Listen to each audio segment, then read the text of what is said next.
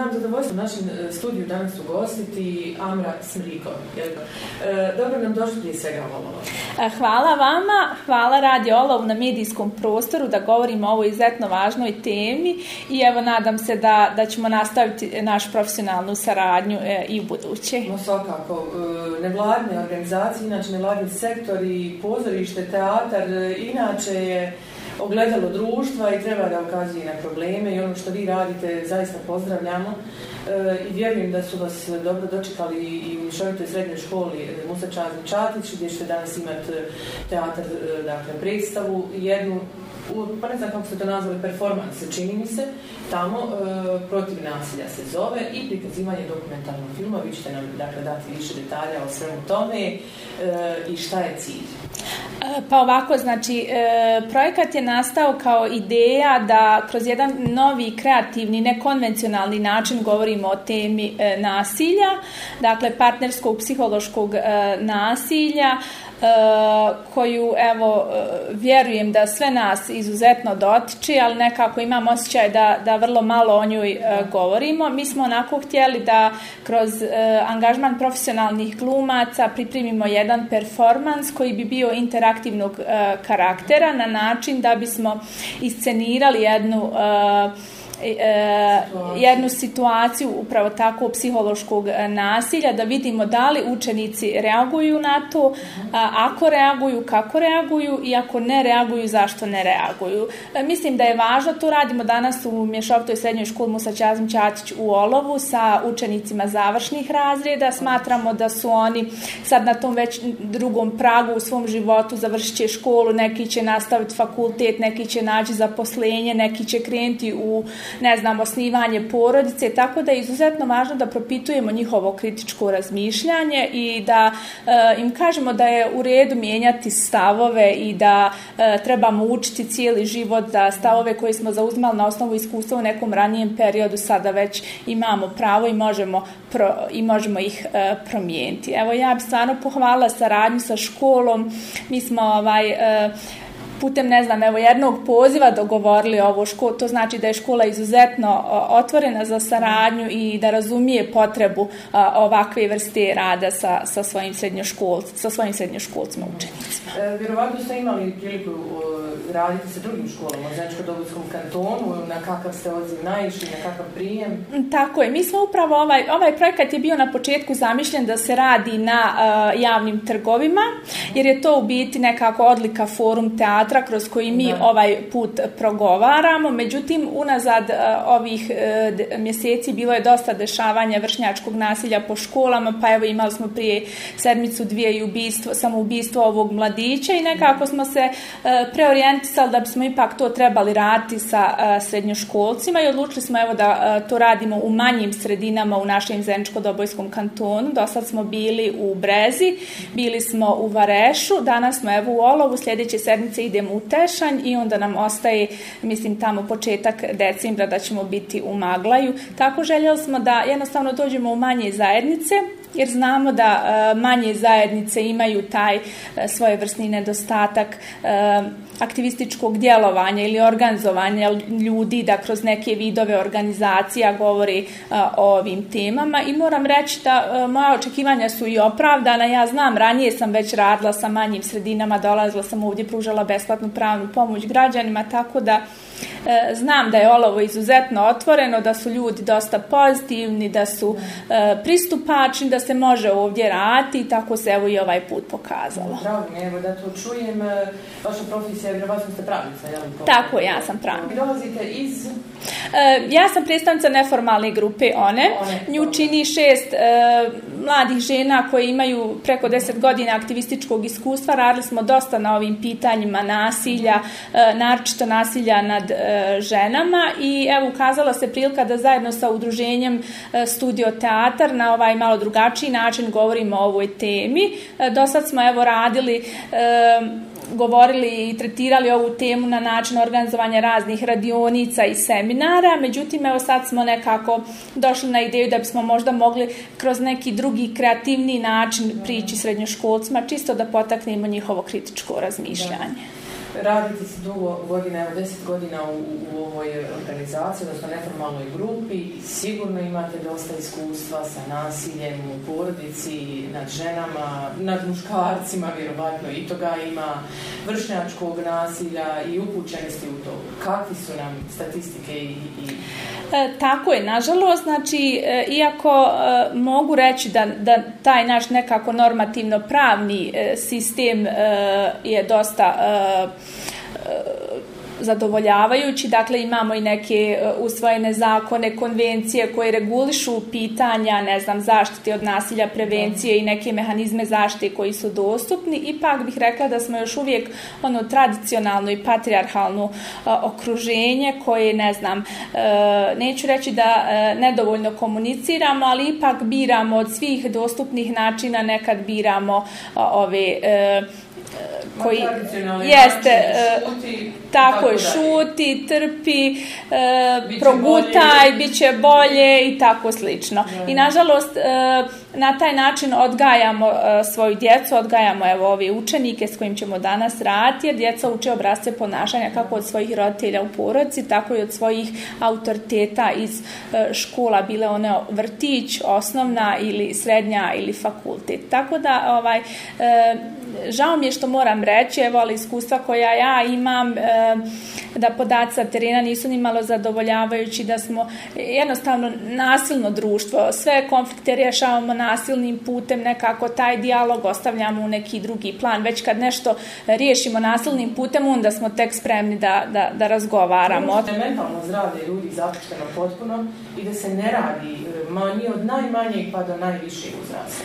Tako je, evo ja sam nedavno čitala jednu studiju baš e, u Hrvatskoj je rađena o mentalnom stanju e, srednjoškolaca. Nažalost, kod nas u državi još uvijek niko se ne bavi tim pitanjima. Mislim da je izuzetno važno kako odgajamo našu djecu, zašto ona nisu motivirana da rade i uče, zašto žele da odmah idu e, u Njemačku, smatrajući obećanom e, zemljom.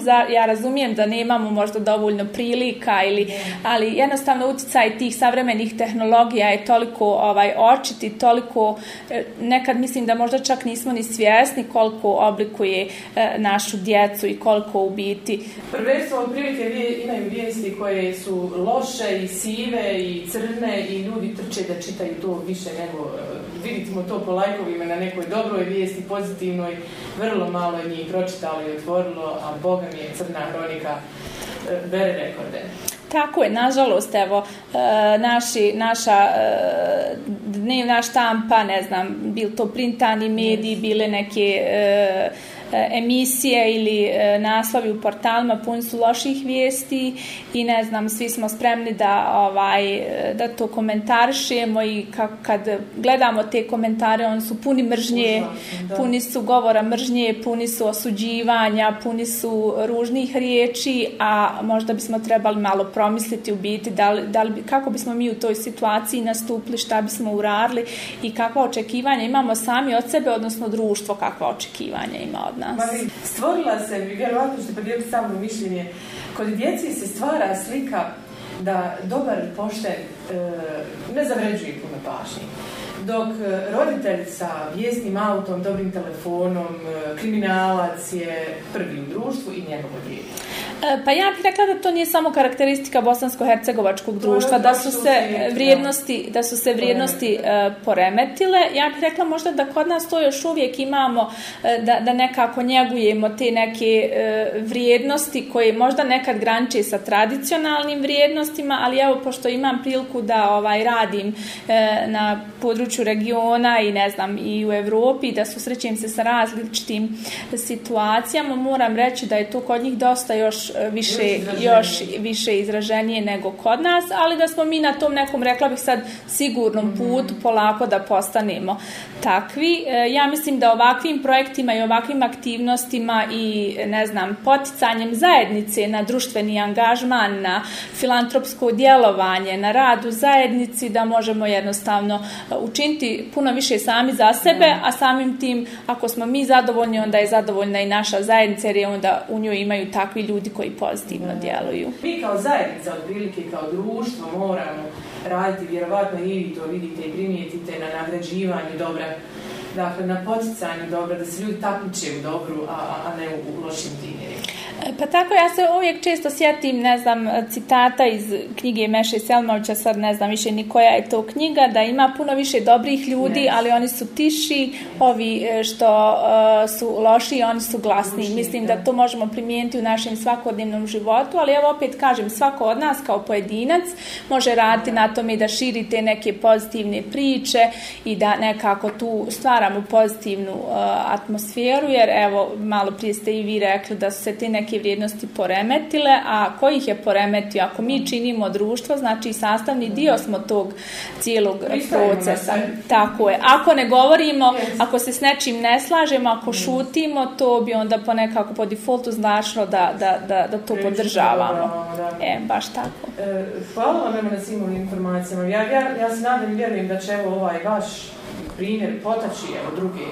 Da razmisli prvo tih 30 malih glavica koliko će ih već slušati onaj, e, i, i gledati taj, taj film da će imati utjecaja na njih i da će se to kao plima proširiti da to neće biti možda jedini put da ih možda i potaknemo i mlađi razrede E, tako, evo ja vjerujem ovaj film koji se zove Bez glasa, on je također nastao u produkciji studio teatra i on govori o istinitim pričama žena koje su preživjele nasilje, dakle žena koje su, ne znam, bile u Zenici, koje su proživjele, bile u sigurnoj kući, proživjele tu cijelu torturu nasilja i govori o njihovom životu prilikom e, suživota sa nasilnikom, ali i kasnije nakon osamosta, osamostaljenja, tako da vjerujem da ćemo kroz te neke, ako dijelimo te neke istinite priče, znači priče koje su se desile u našem našem komšiluku, koje su se desile ljudima koje mi poznajemo, da će one jednostavno početi e, raditi na način da ćemo se mi e, osvještavati o pitanju ovaj prevencije nasilja i o štetnosti nasilja. Mi svi evo govorimo o, o fizičkom nasilju,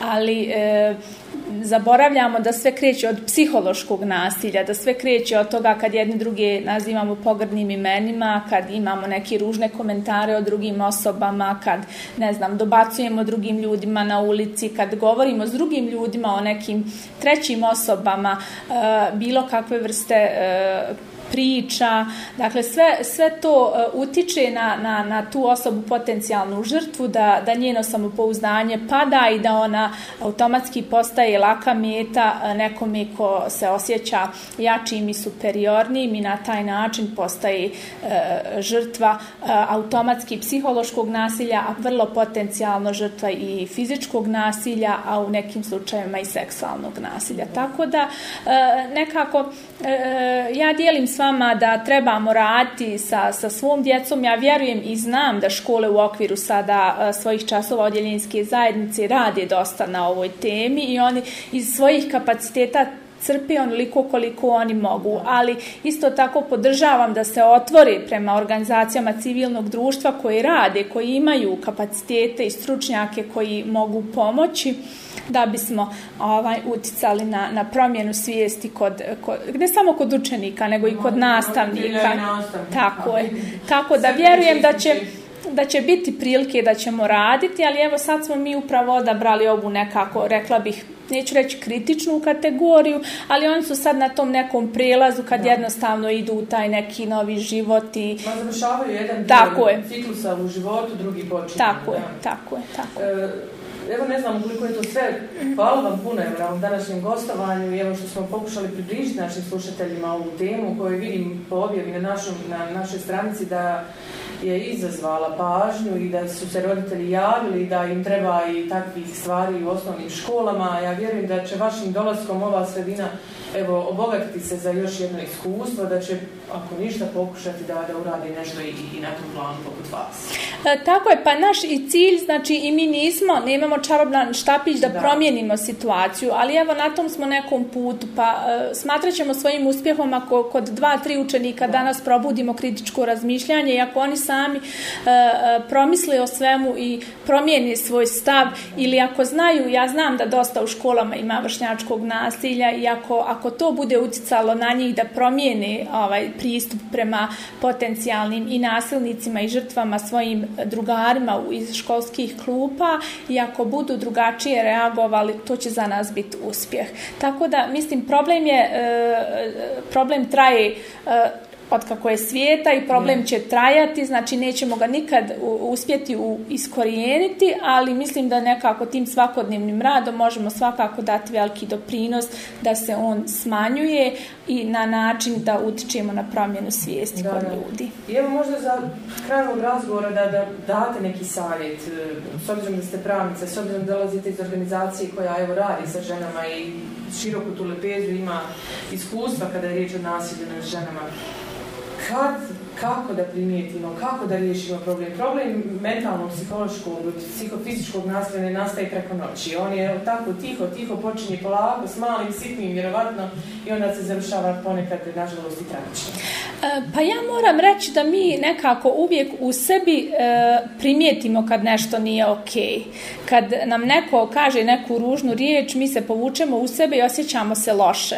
I to su ti nekad prvi znaci. Međutim, e, obično su to, ne znam, nekad budu najbliže naše e, najbliže osobe iz našeg okruženja, da li su to članovi porodice, da li je to partner, muž, da li je to da, da. momak ili djevojka.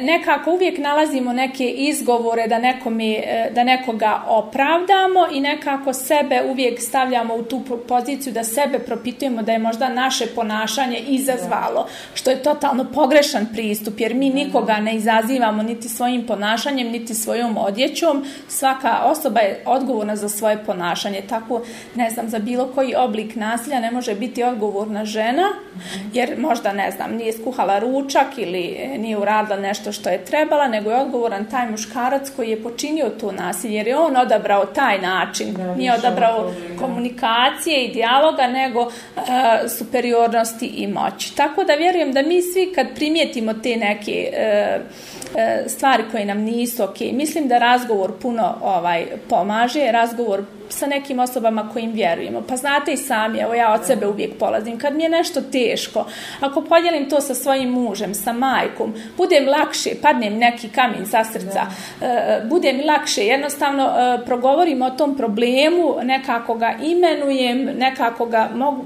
hajde, potencijalno reći, oblikujem ga nekako, ne fizički, ali A znamo čemu se...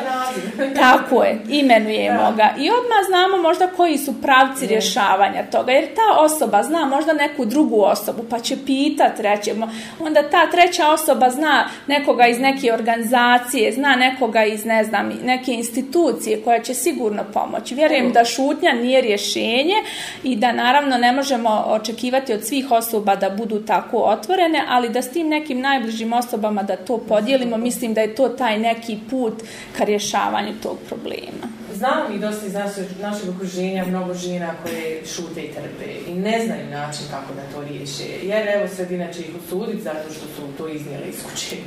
Odmah evo da to kažemo. Koji je put? E, to je tačno, znači mi smo vrlo e, osuđujuće društvo, da. dakle odmah smo spremni drugi da etiketiramo, pogotovo u malim zajednicama, znači e, gdje svi svakog znamo, znači vi sada odete i svoj privatni problem trebate ispričati nekome u centru za socijalni rad, to je vaša komšinica, to ne znam. To se već Tako je, tako je da ovaj, to, e, moram reći da je to e, nekako, hajde, problem manjih sredina i velikih je, ali evo u Zenci imate dvije, tri organizacije koje su stručne, koje rade na ovim temama i e, ljudi već znaju gdje trebaju otići. Da. Čak dolaze prvo u te organizacije, pa onda idu u dobiju savjet, pa idu dalje u institucije, ali evo, ja mislim da moramo na svim nekako sferama raditi, da institucije moraju raditi na svom jačanju kapaciteta, da moraju raditi na toj profesionalnosti, da ono što se kaže u nekoj prostoriji u instituciji ostaje da. tu i da ostaje u tom spisu, da to ne iznosimo nigdje vani, da, da jednostavno ljudi, tako, da ljudi steknu povjerenje u institucije. Naša iskustva pokazuju da e, ljudi nemaju povjerenja u institucije upravo iz tih razloga jer se njihov problem dalje već čuje i odmah ga zajednica e, zna. Zato da, e, evo, sumiram možda na kraju. Dakle, uvijek je važno to podijeliti s nekim koga vjerujete. On će vam sigurno dati neku informaciju koja će vas odvesti dalje.